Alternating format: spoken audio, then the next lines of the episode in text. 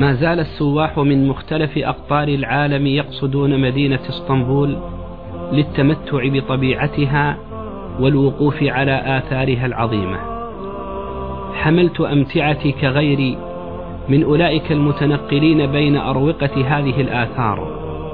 وصرت أجوب ميادين اسطنبول الفسيحة وأدور بين أزقتها الجميلة. أشعر وأنا أقف حيث يقف الكثير من أولئك السواح أنني أختلف معهم انتماء ومقصدا. أريد أن أقول لهم يا معشر السواح أنا لست كحالكم لقد جئت أبحث عن تاريخ لنا لست ببعيد عهد عنه. لقد جئت أتقفر مظان عز وشرف ومجد في زمن لا نجد العزة والشرف والمجد. إلا على أطلال التاريخ. لقد جئت أروي تاريخ حصون شاهقة وجوامع رائقة وبساتين باسقة. لقد جئت أروي للدنيا تاريخ أقوام كانوا قادة للعالم وروادا للنجاح وقدوة للسائرين. بعد دخول السلطان محمد الفاتح مدينة القسطنطينية وصل إلى هذا المكان. إلى كنيسة أيا صوفيا. أمن أهلها الذين كانوا خائفين وظنوا أن السلطان محمد الفاتح سيمكر بهم سيقتلهم إلا أنه لم يتعرض لهم أبدا. ولأن هذه الكنيسة في الأصل كانت مهجورة لا سيما وجود بعض الثعابين وطيور النورس التي كانت تقطنها لقربها من خليج البسفور أمر السلطان محمد الفاتح بعد أن حول هذه المدينة إلى عاصمة الدولة العثمانية وسماها إسلامبول عاصمة الإسلام كما تسمى اليوم إسطنبول. أمر أيضا بأن يغير تغير هذه الكنيسة وحولها إلى جامع واتخذ لها منارة من خشب وصلى فيها بعد الفتح الإسلامي أول جمعة. وصار الناس يصلون في هذا المسجد مسجد أيا صوفيا. ثم تعرض هذا الجامع عبر تاريخه إلى عمليات تجديد وترميم وتغيير. فالسلطان مراد الثاني بنى هذه المنارات غير المنارة التي كانت من خشب وجعلها منارة من حجر, من حجر. ثم جاء السلطان عبد المجيد وغير فيه ووسع وبقي الناس يصلونها في هذه في هذا الجامع جامع آيا صوفيا مع قربه أيضا بعد ذلك من جامع السلطان آه، أحمد. واستمرت ايا صوفيا أو استمر جامع ايا صوفيا على منواله هذا وبني بجانبه نافورات مياه في داخله وأماكن معدة للوضوء خاصة أن هذه المنطقة تعتبر قاعدة مدينة إسطنبول أو من قواعد مدينة إسطنبول لكثرة جوامعها والمدارس الملحقة بها. واستمر هذا الجامع جامع ايا صوفيا يصلى فيه إلى أن سقطت الدولة العثمانية حتى جاءت في سنة 1935 وغير هذا الجامع وحول إلى متحف وسمي بمتحف أيا صوفيا. ومع الجهود المبذولة لرد هذا المتحف إلى سابق عهده منذ أيام محمد الفاتح ليكون جامعا يصلى فيه إلا أن هذه المحاولات باءت بالفشل. فلا يسمع فيه الآن لا صوت أذان ولا إقامة ولا صلاة كل ما نراه فيه الآن جموع هائلة من السواح الذين يأتون من مشارق الأرض ومغاربها ولا يعرفون لهذا المكان حرمة. كل الذي يعرفونه أن هذا في الأصل كانت كنيسة أرثوذكسية قامت فيها بعض المباني أو البنايات البيزنطية هجرت ثم صارت جامعا ثم أعيدت وصارت متحفا الآن كل الذي نأمله أن ترجع أيا صوفيا جامعا كما كانت فهل سترجع؟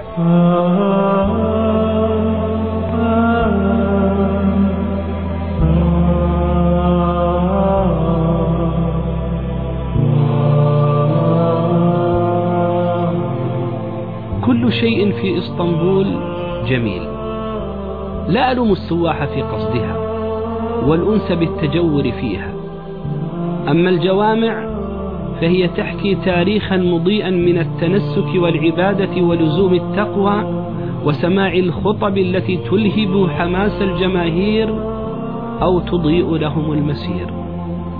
وأما مدارس العثمانيين في إسطنبول فهي تذكر بنور الحضارة العلمية العثمانية وكيف استطاعت هذه المدارس أن تخرج لنا جيلا من حملة لواء الشريعة وصانع المجد. لقد كانت قصور السلاطين في اسطنبول أنموذجا رائعا تتجلى فيه جمالية العمران العثماني والأبهة التي كان عليها الناس في ذلك الوقت. لقد كانت طبيعة اسطنبول الساحرة تطلق لفكرك العنان ليسبح بحمد الله معظما له على بديع صنعه. يا الله ما أروع جبال اسطنبول صيفا وشتاء وربيعا وخريفا. وأما بحارها المحيطة بها فهي لون آخر من بديع صنع الخالق سبحانه. لا أدري هل هذا الوصف طبيعة إسطنبول أم أنا مبالغ فيه مبالغة الأديب؟ كعادتها مدينة إسطنبول تتميز بكثرة جوامعها وجمال هذه الجوامع. أقف الآن في قاعدة منطقة السلطان أحمد وخلفي الجامع الأزرق لشبابيكه الزرق أو كما يسمى بجامع السلطان أحمد والذي يعد من أجمل وأشهر وأكبر جوامع مدينة إسطنبول بل في تركيا وهو من أشهر معالم تركيا اليوم. جامع السلطان أحمد الذي بدأ تشييده في سنة 1609 من الميلاد واستمر ما يقرب من ثمان سنين حتى تم بناؤه بوضع اللبنة الأخيرة التي وضعها السلطان أحمد في سنة 1617 من الميلاد. سنان باشا المعماري الشهير له بصمات كثيرة جدا. وكان من أعظم آثاره أنه خلف لنا تلميذا يحمل عنه هذا العلم والفن والهندسة. المهندس محمد آغا تلميذ سنان باشا أشرف على بناء جامع السلطان أحمد وجعله غاية في الجمال. يبدأ جماله فيما نرى من صورة باهرة في الخلف بمنائره الست ولما كان المسجد الحرام في ذلك الوقت في عهد السلطان أحمد له منائر ست أمر بوضع منارة سابعة حتى لا يكون جامعه أعظم من المسجد الحرام. ثم وضع له القبة العظيمة التي ترتفع عن سطح الأرض ما يقرب من 42 مترا. وهذه القبة التي ترتفع بأربعة أعمدة كبيرة جدا يسميها العثمانيون قديما بأقدام الفيل لضخامتها. وله الشبابيك العديدة التي تطل على فناء الجامع. وهذه الأبواب الست اثنان منها يطلان على القبلة مباشرة.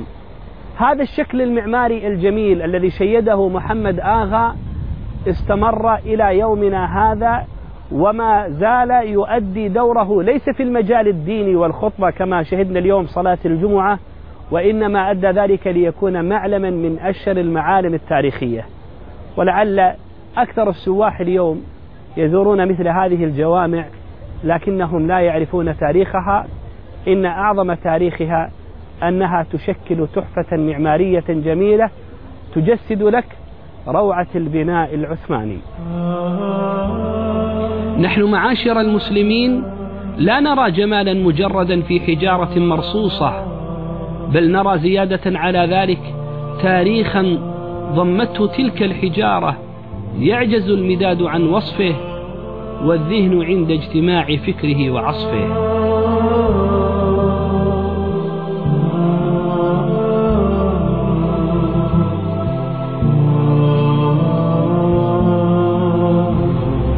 جامع أبو أيوب الأنصاري من أشهر المعالم التاريخية في هذه المدينة مدينة إسطنبول. وهذا الجامع يرتبط ارتباطا تاريخيا وروحيا أيضا مع العثمانيين هنا.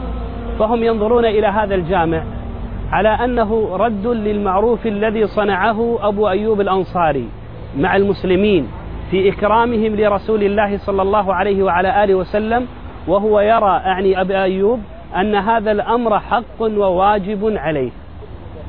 أبو أيوب الأنصاري في سنة 52 من الهجرة توفي هنا على أطلال هذه المدينة مدينة القسطنطينية أثناء حصار المسلمين لها في أيام معاوية رضي الله عنه وخفي قبره ولم يظهر إلا في أيام محمد الفاتح فبني هذا الجامع جامع أبي أيوب في بعد فتح القسطنطينية بسنة واحدة.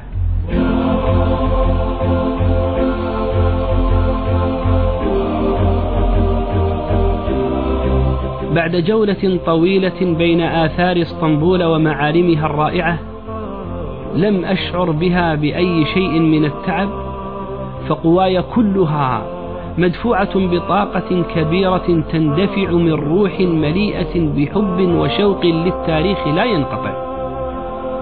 إني والله أحيي الأتراك على عنايتهم بهذه الآثار والمعالم التاريخية المهمة. أحيوا في نفوسكم حب الانتماء لأمتنا والاعتزاز بهويتنا والتغني بتاريخنا والافتخار بآثارنا.